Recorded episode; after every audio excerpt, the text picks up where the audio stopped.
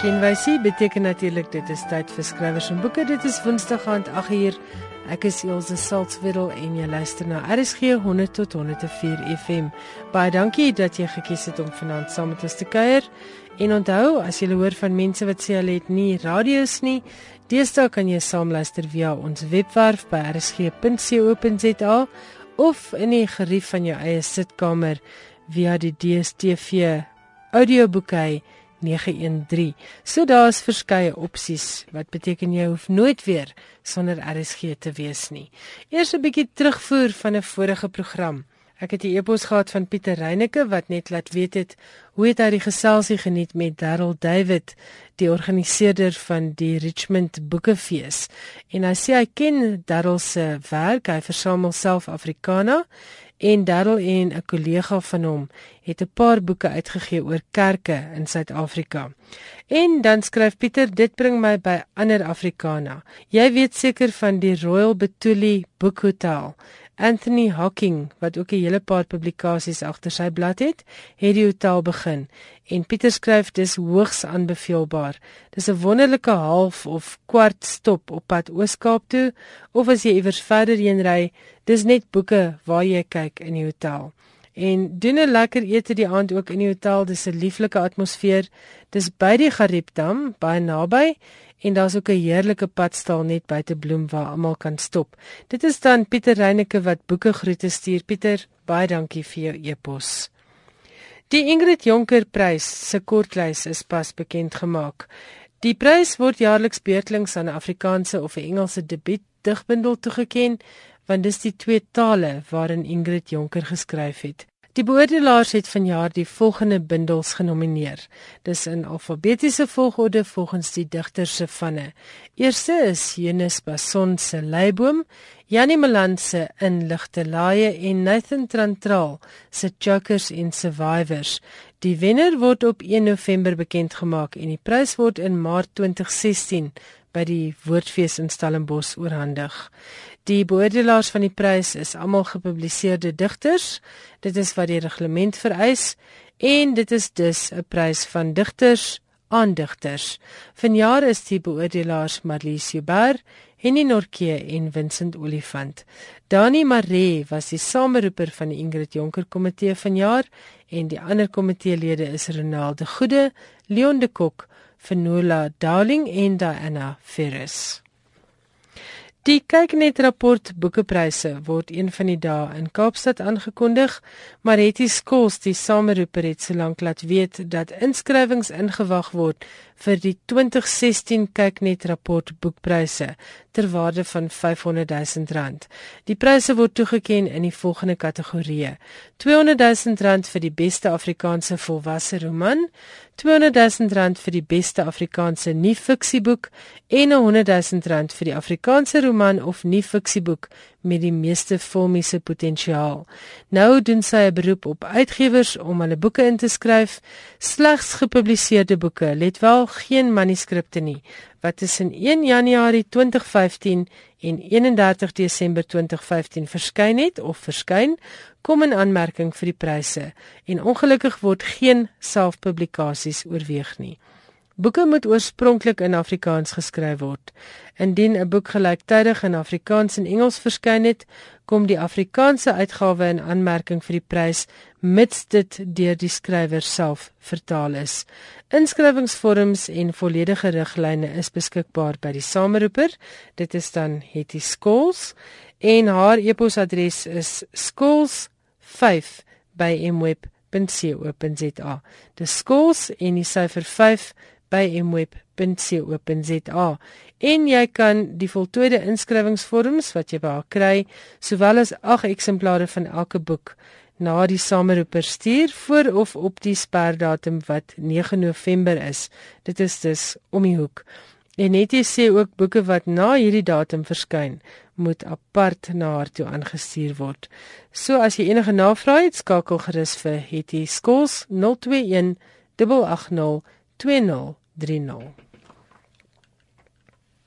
En dan is skryfskool. Ek weet nie van julle nie, maar elke keer na 'n skrywers en boeke dan is ek so lus om my deure te sluit en my foon af te skakel en net te gaan sit en skryf. Nou as skryf jou droom is, maar jy is nie seker waar om te begin nie, dan is hier 'n fantastiese skrywerswerkswinkel wat jy gerus kan oorweeg. Dit is 'n werkswinkel wat aangebied word deur Harry Kamer. Nou Harry is 'n bekroonde skrywer, verskeie kere al bekroon en in verskeie genres dramas sowel as boeke en hy is nou weer 'n finalis in twee kategorieë van die 2015 Kyknet rapportprys wat in November aangekondig word vir sy boek 1000 stories oor Johannesburg. Harry bied eersdaags weer sy gewilde tweedag skryfkursus aan en dit geskied op twee Saterdae. Saterdag die 7de en Saterdag die 14de November hier in Johannesburg.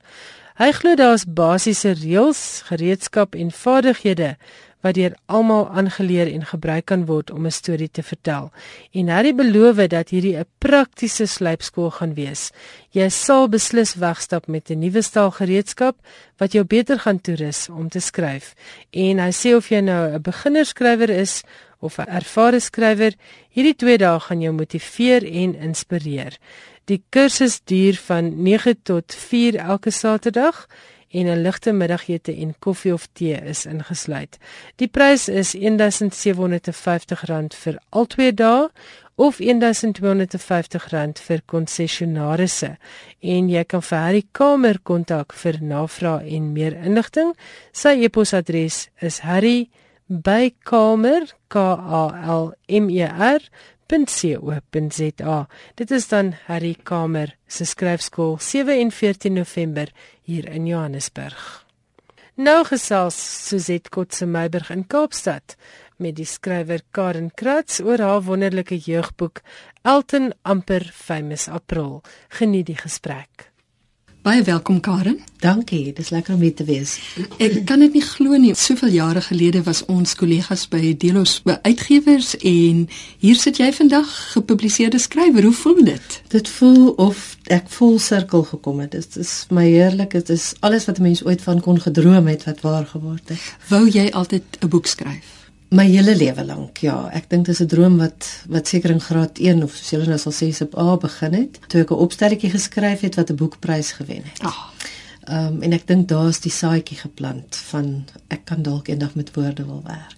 Spesifiek 'n jeugboek of enige boek. Ek het 'n verskriklike groot voorliefde vir kinderboeke met lekker prente. So mm. dit is my allereerste liefde en ek dink dit kom ook uit my klein tyd uit wat my ma vir ons elke week biblioteek toe gesleep het en jy ses boekies gaan uitneem het en jy het jou net verloor in die wêreld met hierdie pragtige prente en die storie wat daarmee saamgegaan het.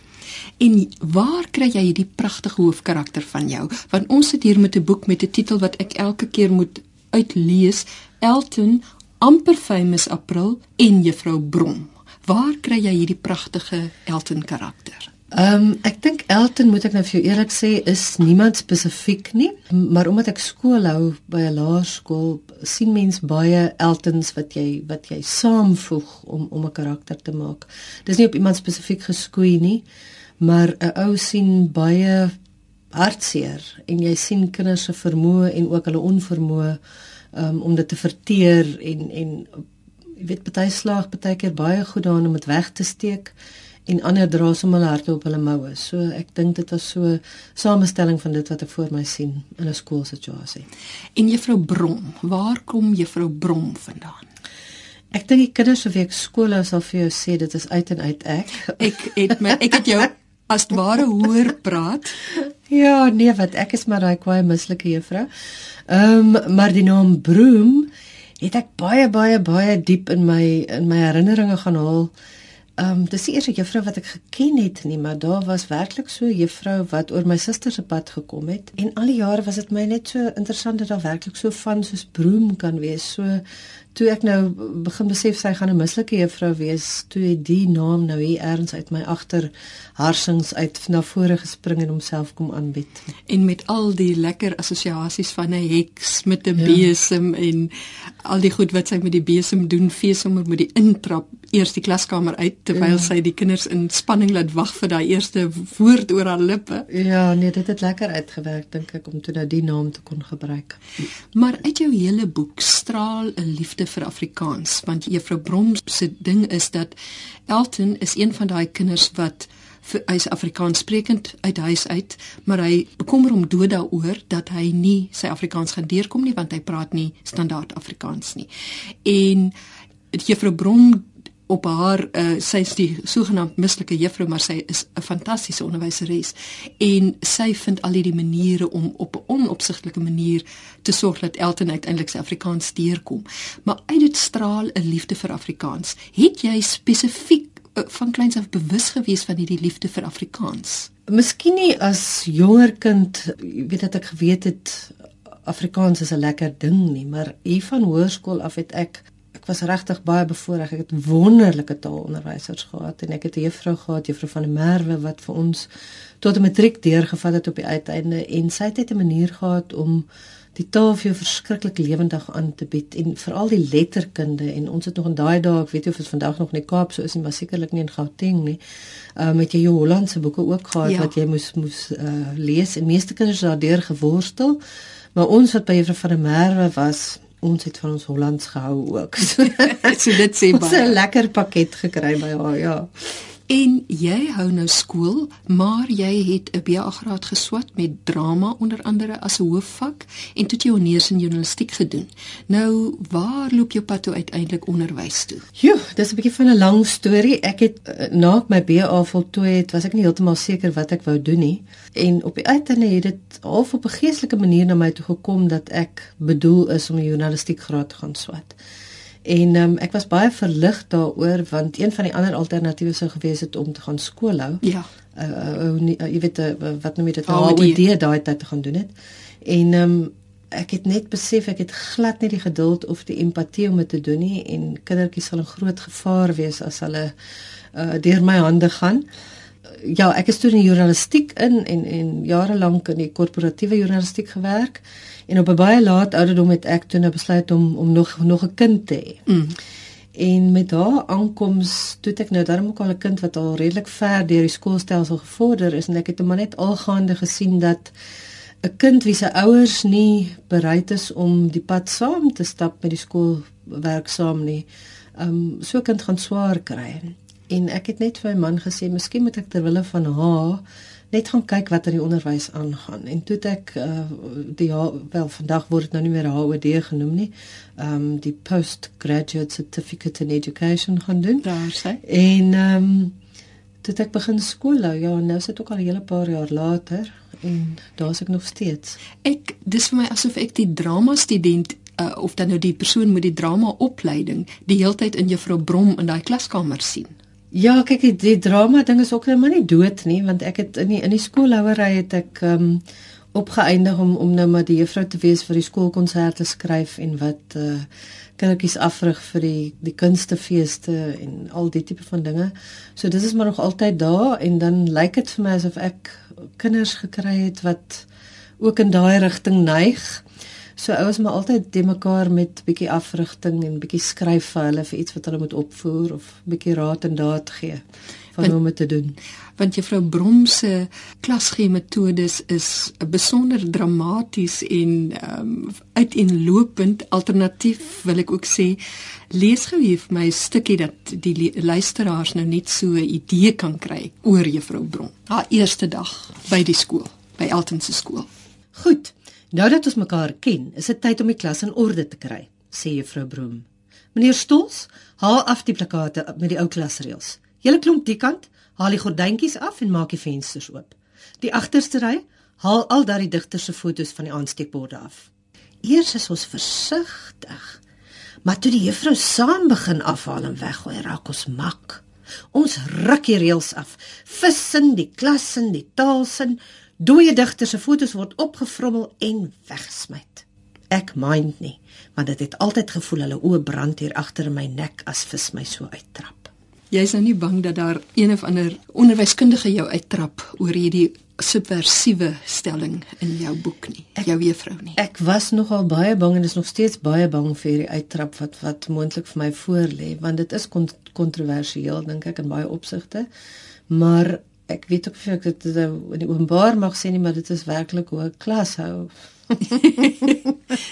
Ehm um, ek het byvoorbeeld ja, dit het vir my gevoel of jy vir, vir kinders die taal kan verlewendig deur ehm um, dit op 'n op 'n vlak aan te bied wat hulle mee identifiseer of jy kan dit op 'n dooie manier aanbied waar jy hulle dood doodgooi met taalreëls en taalwerk en dooie digters. Ja. Ehm um, so ons doen ons ek werk die dooie digters so skelmpies in ehm um, sonder dat hulle dit regtig agterkom met die wat Afrikaans byvoorbeeld nou hierdie jaar 90 jaar lank 'n amptelike taal is, het hulle 'n heerlike uh projek gedoen waarin alles gegaan het oor die uh die digters van die beginjare.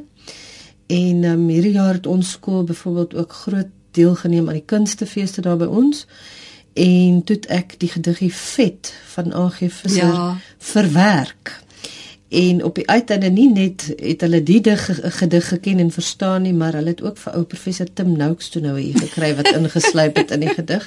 So ek hoop dat as hulle eendag oud is sal hulle besef wat gebeur het dat hulle blootgestel is aan die oue maar dit op 'n lekker manier aangebied is dat dit ook vernuwend was op 'n manier. En vind jy dat die skoolstelsel voorsiening maak vir iemand met 'n baie kreatiewe benadering as onderwyser soos jy? Nee. Ja, oh, kom ons laat dit maar daar. nee, ek ek ek dink ek weet nie, ek beskou myself nie noodwendig as 'n goeie onderwyser nie. In die sin van 'n kind wat by my klas het, gaan nie noodwendig alles uit sy kop uit ken wat van hom verwag moet word nie, maar vir my is daar die hoop dat ek die kind um, 'n um, positiewe assosiasie met die taal laat kry het. En en as ek dit reg gekry het, al is sy punt nou nie wonderlik nie um, dan voel dit vir my het jy hom gewen vir die saak van die taal.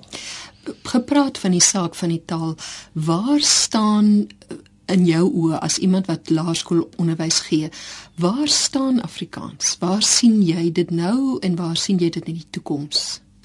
Ek dink daar's baie wat daaroor gesê word. Ehm um, en ek is nou nie 'n kundige nie, maar my gut feel sê vir my ons gaan moet ontspan want jong mense en kinders gaan 'n loop neem met hierdie taal in 'n rigting wat vir die ouer garde nie noodwendig altyd gaan goedkeur nie. En ek dink oor 20, 30, 50 jaar vanaf gaan hy nie klink en lees soos wat ons hom nog op skool gelees het nie. Maar ek dink dit is 'n manier om hom lewendig te hou. Ja. Hy, hy hy gaan anders wees as wat baie mense hoop, maar ek glo nie hy hy gaan hy gaan uitsterf nie. En 'n taal se funksie is tog in die eerste en in die laaste plek om te kommunikeer. So mm. solank die taal kommunikeer, bereik taal sy doel. Mm. Kinders se liefde nog verlees. Wat gebeur daar? Wat sien jy daar? Want ek hoor van ouer mense, ek ek praat met sê maar jong mense, jong skrywers hier so rondom 30 en dan sê hulle vir my met sulke groot oë, maar hierdie mense onder 25 lees nie meer nie. Wat sien jy met hulle wat onder 15 is? Mm. Dit is nogal baie kommerwekkend. Ek merk dit ook dat lees nie net by die kinders nie meer so groot prioriteit is nie, maar dat hulle ouers dit ook nie aanmoedig nie. Ehm um, so wat ek in die in die onderwys beleef is kinders wat glad nie daarna uitsien as hulle byvoorbeeld nou gesê word jy moet 'n boek lees vir 'n boekverslag nie.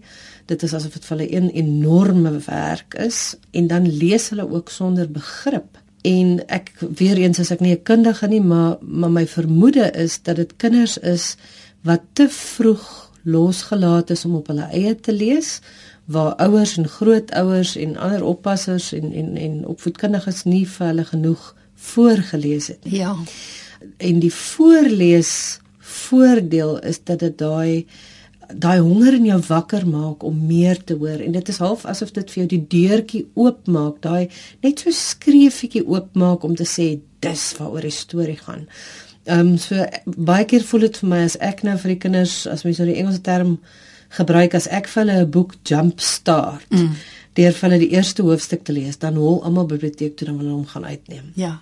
Ehm um, maar op hulle eie as hulle as hulle weet hulle moet 'n teks lees dan dan gaan dit meeste meestal nie gebeur nie of as hulle dit gaan lees is dit sonder die begrip en hulle is ook ongelooflik lui om 'n ding te lees wat nie 'n prentjie by het nie. Mm. En met die skryf van Elton het ek geweet tematies is dit reeds moeilik omdat dit nou eintlik gaan oor 'n kind se so, ontwikkeling in die in die Afrikaanse klas. Wie gaan nou so 'n storie wil lees? So ek het absoluut van die begin af was ek gedetermineer dat daar 'n prentjie op minstens elke een of twee bladsye moet wees. Al hierdie oulike aanmerkings van Elton ja. en dan maak hy so sy eie spelfoute reg as hy later agtergekom het. Dan um, maak hy baie keer erger. ja, dit ook. en jy het jou M-graad gedoen in Afrikaans oor uh, lees en kinders maar die kind en sy mitologie. Nou jou navorsing moes sekerlik ingespeel het op die skryf van Elton April. Ja, ek het ehm, 'n um, groot liefde vir die mitologie en daaruit het toe nou hierdie idee uh, ontwikkel saam met professor Henning Snyman destyds van uh, Universiteit Kaapstad waar ek toe nog gaan kyk het na dit wat in die mitologie gebeur en hoe dit homself uitspeel in die moderne kinderverhaal in Elton het ek baie van daai teoretiese kennis probeer gebruik want uh my studie het op die uiteinde nie net gegaan oor jy weet uh, oudheidse mites wat herhaal word in in vandag se tyd nie maar meer die mitologie op 'n op 'n sielkundige vlak waar sielkundiges soos Jung en die ouens vir sal sê 'n kind sonder mites of enige mens sonder mites het nie mitologiese helde nie en as hy nie daai mitologiese helde het nie dan verval hy in psigose en neuroses. Ehm um, so wat gebeur met die postmoderne kind? Hy word in baie opsigte ontneem van sy sy mitologiese helde want sy ouers het voete van klei. Jy weet hoeveel kinders word word groot in enkelhuishoudings um of of huishoudings waar dinge nie nie goed verloop tussen ouers nie. En hulle word ook groot in in 'n tyd waar hulle nie noodwendig meer met die kerk te maak kry nie, waar baie van die Bybelse helde figure of enige op enige godsdienstgroep um wat wat wat mens moontlik aan kan behoort, nie meer vir hulle alledaagse is nie en hulle ken dit nie meer nie. So op die uiteinde het daai kind nie veel om aan vas te klou nie en ter wille van sy oorlewing sonder dat hy dit weet, gaan skep hy sy eie mitologie waarin hy van selfsprekende held moet wees. Die mm. lewe bied hom nie 'n keuse nie.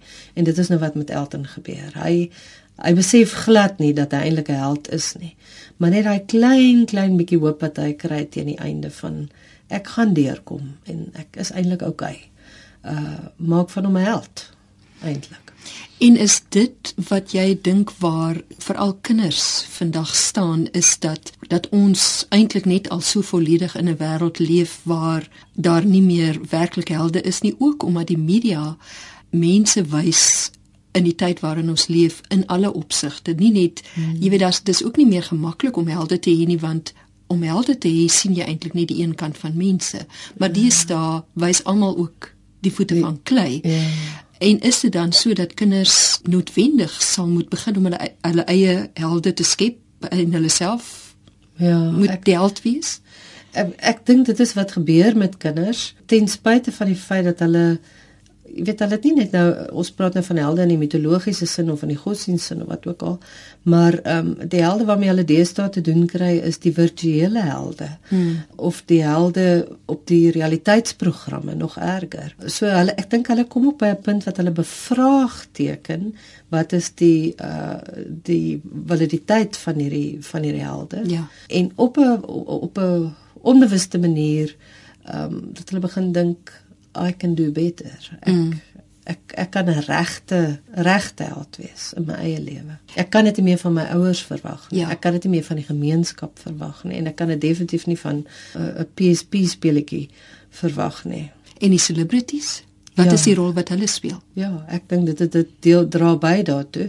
Hulle het, hulle het almal hierdie bewondering vir mense wat op die uiteinde wat is wat wat is reël daarin wat wat dra dit deur want op die uiteinde dan uh, vir, jy weet soos wat die alles word tog deur die media gedek the good the bad and the ugly en hoe meer hulle met die ugly te doen kry en die bad te doen kry besef hulle maar hierdie is is nie regtig 'n held nie So is kinders dan jong kinders is hulle regtig al in staat om daardie oorgang te maak om te sien ek moet my eie held wees. Ek dink nie enige hiervan is is op 'n bewuste vlak nie. Mm. Maar van dit wat ek nou lees is die tendense ook in in die kinderboekbedryf en in die jeugverhale is dat die grense besig is om so te vervaag omdat ons ons kinders verkeerd grootmaak dat daar van klein kinders baie meer verwag word om meer volwasse op te tree ja. as wat eintlik tradisioneel die geval sou gewees het in 'n in 'n wêreld waar alles nog gewerk het soos dit moes gewerk het. Ja, en 'n mens sien dit baie letterlik byvoorbeeld in huishoudings waar vigskinders die die ouers moet word van kleiner kinders 'n jeugboek wat dit baie spesifiek gedoen het daai dat die uh dat die kinders eintlik die plek van die ouers moet inneem is Derek van der Walt se Lien se langstaan skoene hmm. waar die kinders is die die mense wat die fort moet probeer hou want die ouers die ma worstel met 'n drankprobleem en die pa sit in die tronk as gevolg van bedrog en dit was mm. vir my die eerste boek wat dit vir my half so duidelik na vore gekom het hoe hierdie skrywer dit reg kry uh, dat die kinders moet die posisie van die held as mm. ware uh, mm. inneem ek dink dit is baie ook die geval met Elton sy ma is so afwesig en sy is eintlik so 'n slegte ma die pa ehm um, ek dink dit is vir Elton baie moeilik om homself te konfronteer met die waarheid rondom sy pa en hy kry dit kwaliek reg aan die einde. Ehm um, wat hy so bietjie laat deurskemmer dat hy besef wat hier aan die gang is. Maar hy moet vir sy ma cover ja. en hy moet vir sy ma pretensies voorhou. Jy weet hy moet maak of hy nie moeg en honger by die skool is nie. Hy moet maak of hy vanaand na 'n warm bed huis toe gaan terwyl hy eintlik weet waar sy ma is nie. Ja. Ja, dit gryp 'n mens aan die hart dat dat 'n kind so uitgelewer is en ek veronderstel jy kry met baie meer kinders te doen wat wat jy dit by sien. Ja, ek het ek het 'n mamma gehad uh, by my skool wat hierdie boek gelees het nou die dag en toe sê sy iemand het vir haar gesê mens kry nie sulke ouers nie toe sê kom hou net vir 'n dag skool. Jy weet die, die ongeluk van van onderwys is dat 'n mens baie keer in die posisie is waar jy dinge van kinders af weet wat jy met niemand mag deel nie. Dit word 'n vertroulikheid vir jou gesê sodat jy weet hoe om 'n groter situasie in die klas te hanteer. Maar daar's werklik kinders wat geweldig swaar kry en hulle kom baie keer uit onverwagse omstandighede. Ehm um, jy weet 'n ou kan nie 'n kind op sy baadjie takseer mm. en dink ek ek aanvaar jy is een so een en jy ja. is nie so ja. een nie want hulle het regtig soos ek aan die begin gesê het hulle het baie keer die vermoë om 'n front voor te hou soos 'n pokerface wat as jy nie weet nie gaan jy nie weet nie. Ja. Maar 'n mens weet ongelukkig baie keer die realiteit van baie kinders se lewens. Daai pokerface is deel van daai oorlewingsmeganisme. Ja. Ja. Nou sê vir my, gaan jy nou nog vir ons sulke wonderlike boeke soos Elton skryf? Ek het die grootste begeerte om dit te doen, ja. Tyd tyd is altyd my vyand. Ek kan my voorstel. Ehm um, ek is in die eerste plek altyd eers 'n ma en 'n tiener taxi en dan 'n juffrou en 'n vrou en 'n huishouer en dan 'n bietjie tyd vir die dag wat oorbly dan kan 'n mens nou die lekker dinge doen soos om vir Elton 'n maatjie te kry. en sê vir my, wat dink jou kinders nou van hulle ma wat nou eh, 'n uh, 'n boek geskryf het, 'n jeugboek, so weet hulle maats en al die dinge. Ehm um, dit is nogal interessant. Ek het twee kinders wat 9 jaar uh, uitmekaar uit is. So ek het twee verskillende reaksies. Die jonger ene dink o, want sy verstaan nie die boek nog nie. Sy's nog te klein, sy's 8 jaar oud. Sy dink net o. En die ouer een was baie versigtig om seker te maak dat ek nie moontlik haar naam weggooi in die proses nie. wat is wat nog te sê haar naam noem? Haar naam noem. So sy um, sy het lanktant aan die ding gelees want ek dink sy het gevoel dit is sy's regtig ver verhewe bo so iets, maar sy het darm op die uiteinde die regte geleide gemaak oor die boek. Ja, want ek moet vir jou sê hierdie is 'n boek wat 'n mens intrek en jou hart eh, so vasvat. En dan eindig dit op 'n manier wat 'n mens net weer hoop het vir dit wat kinders in hulle het daai daai menslike ding van jy jy kan oorleef en jy kan dit laat gebeur. Dit dit dink ek is 'n verskriklike sterk boodskap wat vir kinders oorkom. Jy het nie niks nie Ja, ek dink Lona Gerrit het dit vir my verskriklik mooi verwoord in 'n resensie. Ehm um, toe sy gesê dit gaan oor die onblusbaarheid van die menslike gees. Ja. En dit is vir my baie belangrik dat die boek op daai noot geëindig het. Dit is my eintlik interessant hoe mense die einde anders interpreteer. Die kinders wat dit gelees het sê almal vir my hulle ervaar die boek as baie snaaks en baie oulik. En die groot mense wat dit lees sê almal vir my dis hartseer. Ja. Want ek dink hulle sien aan die einde daar's geen waarborge nie. Daar's hoop, maar daar's nie die waarborg nie.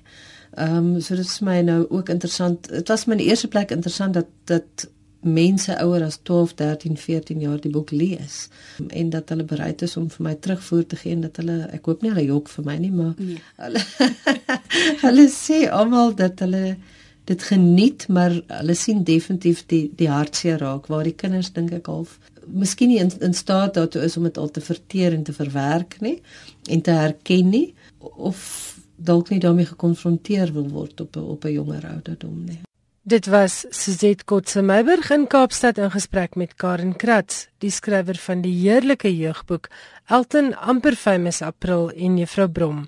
Dit kos R130 en word uitgegee deur Protea Boekhuis. Ek hoor baie dikwels dat daar baie min Afrikaanse kinderboeke is. Nou dit is eenvoudig glad nie waar nie. Daar is wonderlike wonderlike werk wat in Afrikaanse kinderboeke gedoen word. En dan is daar iemand soos Dr Nicole Stassen van Protea Boekehuis wat dit sy lewenstaak gemaak het om klassieke kinderboeke uit die internasionale letterkunde ook in Afrikaans te vertaal. Ek gesels vanaand met hom oor hierdie groot taak en ek wou by hom weet onder meer hoe kies hy watter boeke om te vertaal. As ek eerlik moet wees, is dit boeke wat ek self nogal lees en baie geniet en gedag dit het uh, dit sal vir Afrikaanse kinders net te wonderlik wees om dit ook in Afrikaans te kan lees. Ek wil vir die luisteraars sê Nicole hulle doen werklik baie moeite by Protea om te sorg dat hierdie vertalings regtig uitstekend is. Een van die boeke wat nou benoem is vir die internasionale IB ererol is juis die boek hoe om jou draak te tem. Nou Nicole, dit is mos 'n vertaling van 'n baie bekende Britse kinderboekreeks, uh, How to Train Your Dragon, as ek dit nie mis het nie. Ja, dis 'n uh, boeke van Cressida Cowell. Ehm um, daar het nou al 12 van die reeks verskyn. Ek dink die reeks stop by 12. En dit was internasionaal baie suksesvol. Daar's reeds 'n tweede film uitgereik met die reeks as 'n agtergrond en dan natuurlik Ek dink Afrikaanse lesers hoef nie afgeskeep te word nie want uh, soos wat jy nou self genoem het Kobus Geldenhuys die vertaler het spesiale vermelding gekry met daai IB rol, ere rol wat hy volgende jaar in Nieu-Seeland toe sy boeke uitgestel gaan word. Hy het ook hierdie jaar die Akademie Prys vir vertaling gekry wat nogal ek dink 'n besondere pleintjie is vir sy goeie vertaling want gewoonlik word die prys vir meer letterkundige werke toegekend en nie sommer vir 'n kinderboek nie. Nicole ek was verstom toe ek onlangs by Protea in Hatfield sien hoeveel internasionale titels staan daar op jou rakke. Alles in die wonderlikste Afrikaans en dit sluit nou boeke in uit die Sweedse, Franse, Duitse en Engelse letterkunde om nou maar 'n paar te noem. Hoe kies jy op watter boeke gaan jy jou geld waag? Want ek neem aan dis 'n redelike uitgawe as 'n mens kyk na dinge soos vertaalregte en al hierdie ander soort van faktore wat in ag geneem moet word. Ek dink dit is so so dubbele benadering wat ons volg. Die een manier is om internasionale boekebeurse by te woon en die twee belangrikstes daar is die een in Frankfurt wat so in Oktober is en dan die kinderboekebeurs in Bologna wat so in Maart April is. Ons het vaste vriendskappe en verhoudings met 'n stuk of 50, 60 uitgewers wat uh, by die geleentheid kyk ons dan na hulle heel beste boeke en uh, vra dan seker is aan vra dit dan verkeerders om dit vir ons te evalueer. En die wat vir ons die die wonderlikste is die snaakste partykeer of wat net eenvoudig internasionaal baie baie suksesvol is is gewoonlik die boeke waarop ons dan besluit. Jy het net daarin iets geraak wat vir my as kinderboekleser altyd baie belangrik was en nou dat ek 'n ma is is dit vir my belangrik. Daai lag daai humor en ligter element van kinderboeke is dit vir jou ook belangrik Ek dink is vir my baie baie belangrik veral omdat ek baie keer die idee kry, ek kan nie sê dit is almal nie, maar daar is uitgewers wat kinderboeke uitgee wat hulle graag een of ander lesie wil oordra. Wat my betref, ons sal nie sommer 'n boek uitgee wat die les baie blaatant oorgedra word nie. Dit moet as dit ooit gebeur, moet dit baie baie subtiel wees en definitief dat die kinders nie voel hulle is nou weer hier met 'n sedelesie besig nie. So ek dink is vir ons baie belangriker dat die kinders boeke moet geniet as wat hulle op die manier opgevoed moet word deur verpligte lessies en boeke en so aan. Met ander woorde jy wil vermaak en 'n leeskultuur skep eerder as wat jy noodwendig wil direk opvoed. Presies, ek dink ek dink hierdie boeke wat so bietjie blaatant probeer opvoedingstake verrig is nie lekker boeke om te lees nie en ek dink is ook miskien 'n rede hoekom baie kinders en eintlik groot mense vandag nie lees nie is omdat hulle toe hulle klein was is hulle gekonfronteer met hierdie boeke waaruit hulle eintlik geen plesier gehad het nie en dalk nog iemand anders se ouderwetse waardes ingekry het. Ek dink is baie lekkerder om 'n lekker boek te lees en groot plesier daaruit te kry. En net te ontsnap. Ja. Nou kom ons praat bietjie oor jou gunsteling kinderboeke uit jou kinderdae want ek is seker daarvan van hulle preek nou op Protea se rakke. Ja, dit is eintlik nogal snaaks. Vandat ek begin lees het as 'n kind, het ek elke week daar na die skoolbiblioteek en na die dorpsbiblioteek geloop, my volle kwota boeke uitgeneem en dan binne 'n week dit weer teruggevat. So ek regtig iemand wat vandat ek kon lees is, is dink ek het was lees die belangrikste aktiwiteit vir my lewe. Gevolglik, mens sekerlik honderde en honderde, indien nie duisende nie, kinderboeke al gelees. Ek moet sê die die kinderboeke wat ek op die oomblik uitgee, word dalk meer in 'n mate bepaal deur dit wat ek vir my kinders self voorgeles het toe hulle nog klein was en 'n hele paar van die boeke wat ek destyds geniet het, het ek nou 20 jaar later of nie uitgegee of weer heruitgegee eenvoudig omdat ek dit so geniet het om dit vir die kinders te lees. Boeke soos wat? Wel die een van die lekkerste boeke vir my is is die boekie uh, Neeskrap is lekker wat vir jou eintlik sekerlik die laaste les is wat jy vir die kind wil leer om om dat neeskrap lekker is maar dit is net so 'n fantastiese boek in dat ek nie die geleentheid kon weerstaan om dit weer uit te gee nie. Ander boek wat 'n altyd 'n goue treffer is, is 'n boek van Judith Kerr, Die tier wat kom tee drink het. Ja. Tiger who came for tea. Lieflike dit, boek. Dit was vir ons so te wonderlik om hom weer uit te gee en ons gaan binnekort 'n ander boek, eintlik 5 boeke in een, Molly die kat, weer heruitgee. Die heel eerste keer in Afrikaans. En jy het vroeër hierdie jaar 'n boek uitgegee wat ek my in verkneukel het. Dit is die ene van die ou wat dink hy het 'n kat, maar eintlik is die kat 'n olifant. Dit is net van die mooiste kinderboeke wat ek nog onder oë gehad het. Ehm um, dis drie kinderboeke daai wat ons uitgegee het, almal oor hierdie olifantjie wat dink hy's 'n kat en daar ontwikkel natuurlik skreeusnaakse situasies want iemand gee vir hom 'n boek oor katte en die skrywer kan nou nie agterkom watter soort kat sy sy olifantjie is nie. Heel op die einde in die derde van die drie boeke ek moet miskien die titels noem. Die ja, eerste een My kat die mees verspotte kat in die wêreld en dan die tweede een is toe my kat nog klein was wat nou vertel van hoe hierdie klein olifantjie sukkel om om in die sandbak sy besigheid te doen en so aan. Nou, hy sukkel met alles waarmee normale katte sukkel. ja, maar dit is so ontroerende boek want jy het nou hierdie klein katjie wat nou op soek is na moedersmelk met sy klein slurpie nou. Jy kan nou skaars vir jou 'n meer hartroerende toneel indink is dit. Ja. En dan word uiteindelik die die mees saggeaarde, die grootste en die mees verspotte kat in die wêreld. En dan in die derde boek is nuus oor my kat waarin die kat op 'n kat verlief raak. Nou kan jy nou dink hierdie olifant raak op 'n kat verlief en op die ou ende kry hulle nog uh, kleintjies ook. Ek gaan nie verklap hoe die kleintjies lyk nie, maar dis regtig skreeu snaaks. Wat kan 'n mens hulle noem katfantjies of so iets? Ek wonder, dis 'n goeie vraag. ja. En ek het ook op jou rakke um van van my kindertyd se gunstelinge gesien. Watter van die klassieke kinderverhale kan mense gaan kry?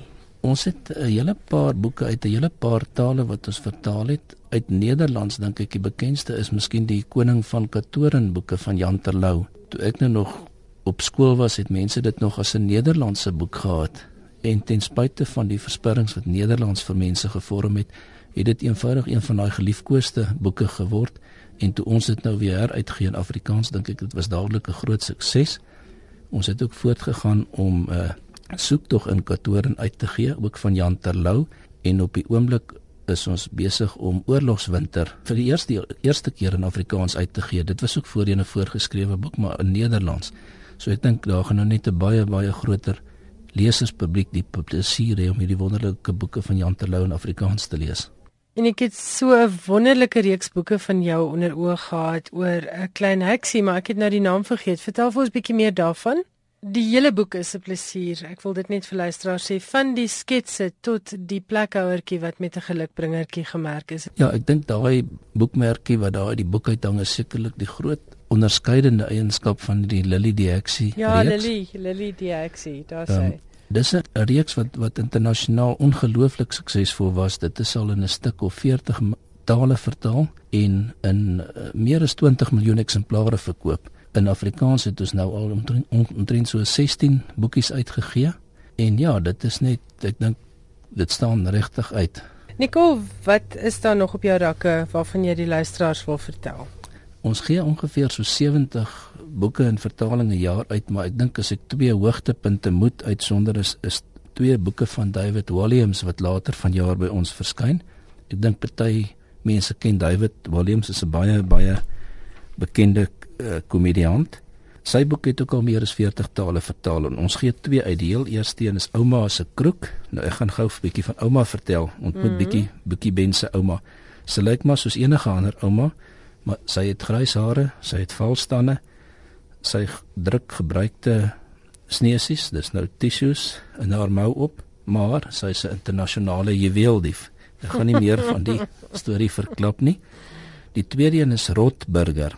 Die heldin van die verhaal Zoe en daar's 'n hele klomp goed waaroor sy ongelukkig is. Haar stiefma Sheila is so lui dat uh, Zoe die goed uit haar stiefma se neus uit moet krap. O. Oh.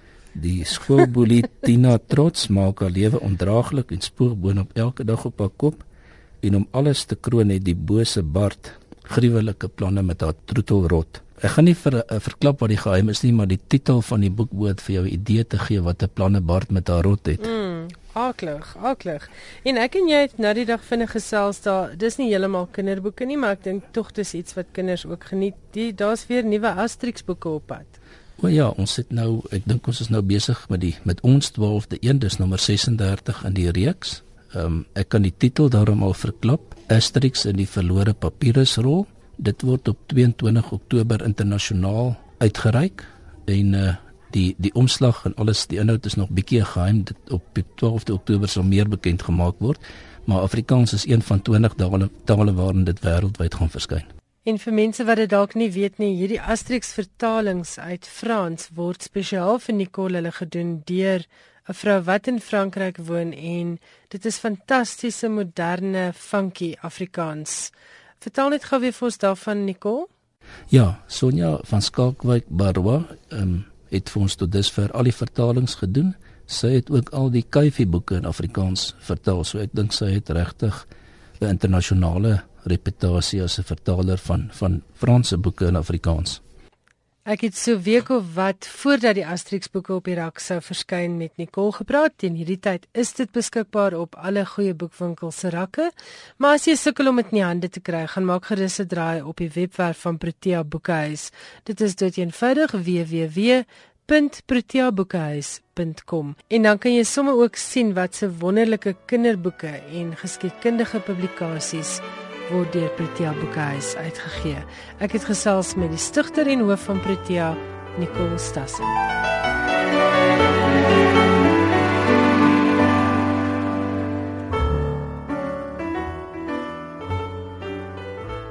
Nou is dit tyd vir Johan Meiburg se weeklikse insetsel oor die internasionale letterkunde en die boekebedryf. En Johan, jy het vanaand 'n hele groot klomp nuus oor pen. Dit is mos die internasionale skrywersvereniging of hoe? Dis reg, ja. Sowat 250 skrywers van 80 lande het van 14 tot 16 Oktober in die Kanadese stad Quebec byeengekom vir die 81ste jaarkongres van PEN, inderdaad dan die internasionale liggaam vir skrywers en digters. Wat in 1921 in Londen begin het as 'n genootskap van digters en roman- en kortverhaalskrywers, het deur die jare ontwikkel tot een van die wêreld se vurigste bewakers van menseregte. PEN Internasionaal is die oudste internasionale literêre liggaam ter wêreld en het 'n ledetal van 20000. Deesdae meer as net digters en skrywers, ook vertalers, joernaliste en geskiedskrywers. Die huidige president is die Kanadese skrywer-filosoof John Ralston Saul. Die jaarkongres is aangebied deur PEN Kanada. Dis die tweede keer dat die land die kongres aanbied. Die eerste keer was in 1989. Vanjaar was die span genooi die sprekers, die skrywers Margaret Atwood, Joseph Boyden, Jan Martel en Dani Laferrière, die akteur-vervaardiger Robert Lepage, die skrywer Chris Hedges, die verslaggewer Jean-François Lepine, die skrywers Josephine Bacon, Louis Kaal Picard Sui en Russell Banks en dan ook die verslaggewer Julio Cesar Rivas. Benewens die amptelike besprekingsgeleenthede waaraan die skrywers deelgeneem het, is daar ook ruimte geskep waar tydens indringend aandag gegee is aan die bedreiging van vryheid van spraak en uitdrukking. Dis een van Pen Internasionaal se oogmerke om die sensuur van stilte oor die onderwerp te verbreek in gemeenskappe wêreldwyd in te lig oor vergrype van die aard. So het Kanada vanjaar onder die loep gekom. Dis gebruiklik dat 'n ondersoek gedoen word na en 'n verslag opgestel word oor die stand van vryheid van uitdrukking in die land waar die kongres aangebied word. Volgens die verslag is Pen besorg oor en ek haal aan die wegkalwing van die reg om jouself vryelik in Kanada uit te druk. Pen Internasionaal het dit duidelik gemaak hy is nie opgewonde oor die regering van Stephen Harper, die land se eerste minister nie.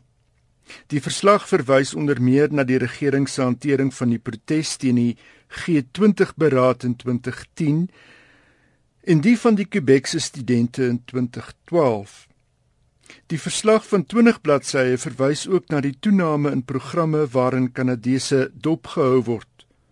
Programme wat Kanada deel met die Amerikaanse nasionale veiligheidsagentskap. Pen Afrikaans is op die kongres verteenwoordig deur Dani Maree en Bettina Weingart. Dan iets ook verder oor die Pen skrywerskring. Die Turkse skrywer Elif Shafak het 'n beroep gedoen op skrywers om oor grense heen in hierdie troebeltyd in die wêreldgeskiedenis saam te staan en op storievertellers van die ooste en die weste om harder en meer direk te praat. Shafak is een van die skrywers wat deel is van Pen Internasionaal se nuwe skrywerskring. Ander lede van die kring is onder andere Salman Rushdie, Kom to Bean, Alexander McCall Smith, Margaret Atwood en Ian Rankin. Die kring bied finansiële steun waar vryheid van spraak en uitdrukking ook al onder druk kom. Shafak was vol lof vir die steun wat sy destyds van Pen gekry het toe sy van onturksheid beskuldig is oor haar boek The Bastard of Istanbul. Ek het eerstens ervaar, het sy gesê, wat dit beteken om pen langs my te hê op 'n intellektuele en sielkundige vlak. Dis nie iets wat ek sal vergeet nie. Hoewel ons soveel vlakke het waarop ons ons eie gang gaan, kom daar in elke skrywer se lewe tye wanneer isolasie die laaste ding is wat hulle verlang. Dis oneindig belangrik dat skrywers en digters vrylik kan skryf en hulle stories kan vertel. Nog 'n brok oor Pen en dit is dan die bekendmaking van die Pen International New Voices 2015 kompetisie. Rebecca F John, 'n ski-instrukteur en tutor in Engels wat in Swansea woon, is op die Pen Jaarkongres aangewys as die wenner van die Pen International New Voices prys vir 2015. John het mededingers van Duitsland, Roemenië, Kanada, Vlaandere en Suid-Afrika geklop en in die proses prysgeld van R13000 verdien. Karin Smith se kortverhaal Likewaan was die Suid-Afrikaanse inskrywing. John het die beoordelaars beïndruk met haar kortverhaal Moondog. Die prys is ingestel ter aanmoediging van skrywers tussen 18 en 30 wie se werk nog nie voorheen gepubliseer is nie. Die laaste brok oor Pen 12 groot Amerikaanse uitgewers onder hulle Penguin Random House, Hachette en WW Norton het al steun toegesê aan Pen American Center so onderneming om vlakke van sensuur in vertalings in Chinese boeke te monitor. Die onderneming volg op 'n penverslag vroeër vanjaar waarin dit aan die lig gekom het dat veranderings aan die teks van vertaalde werk gemaak word om te voldoen aan die smaak van die Chinese mark. Talle skrywers wie se werk in Chinees vertaal is, maar ook uitgewers en agente was salig onbewus van die blaatante veranderings in hul boeke. En dan het Jamaica sy eerste Man Booker prys wenner gekry. Die 2015 Man Booker Prys is toegekend aan Marlon James vir sy roman A Brief History of Seven Killings. 'n Boek met die moordaanslag op die reggae-sanger Bob Marley in Desember 1976 is sentrale tema. Maar die roman gaan nie oor Marley nie. Trouwens, daar word deurgangs slegs na Marley verwys as the singer. Die karakters is dwelmbase, allerlei skurke, 'n vermoorde politikus, 'n smoorverliefde groepie, 'n getuisterde CIA-baas en 'n wit rockjoernalis wat dink hy ken die ware Jamaica. A Brief History of Seven Killings is James se derde roman. Sy eerste, John Crow's Devil, is 78 keer deur uitgewers afgekeur voordat dit in 2005 uitgegee is deur die Amerikaanse uitgewer Akashic Books. Daar was 'n stadium toe ek gedink het mense wil nie my soort boeke lees nie, het James gesê. In 'n onderhoud met die Financial Times het hy onlangs laat val dat hy besig is met 'n nuwe boek, een oor die donker eeue, die middeleeue, het hy gesê. Maar ek gaan nie na Europa nie. Die plek wat ek besoek is Afrika. Africa whose ages were in dark. Genigtig 78 keer afgekeur. Ek is seker daarvan ek sou dan my pen en jou steeds aan. Wonderlik. Ek gaan uitkyk vir die boek. Baie dankie. Ja.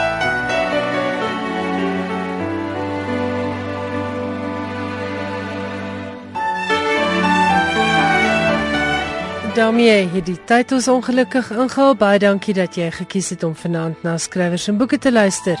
En volgende Woensdag aand 8uur maak ons weer so.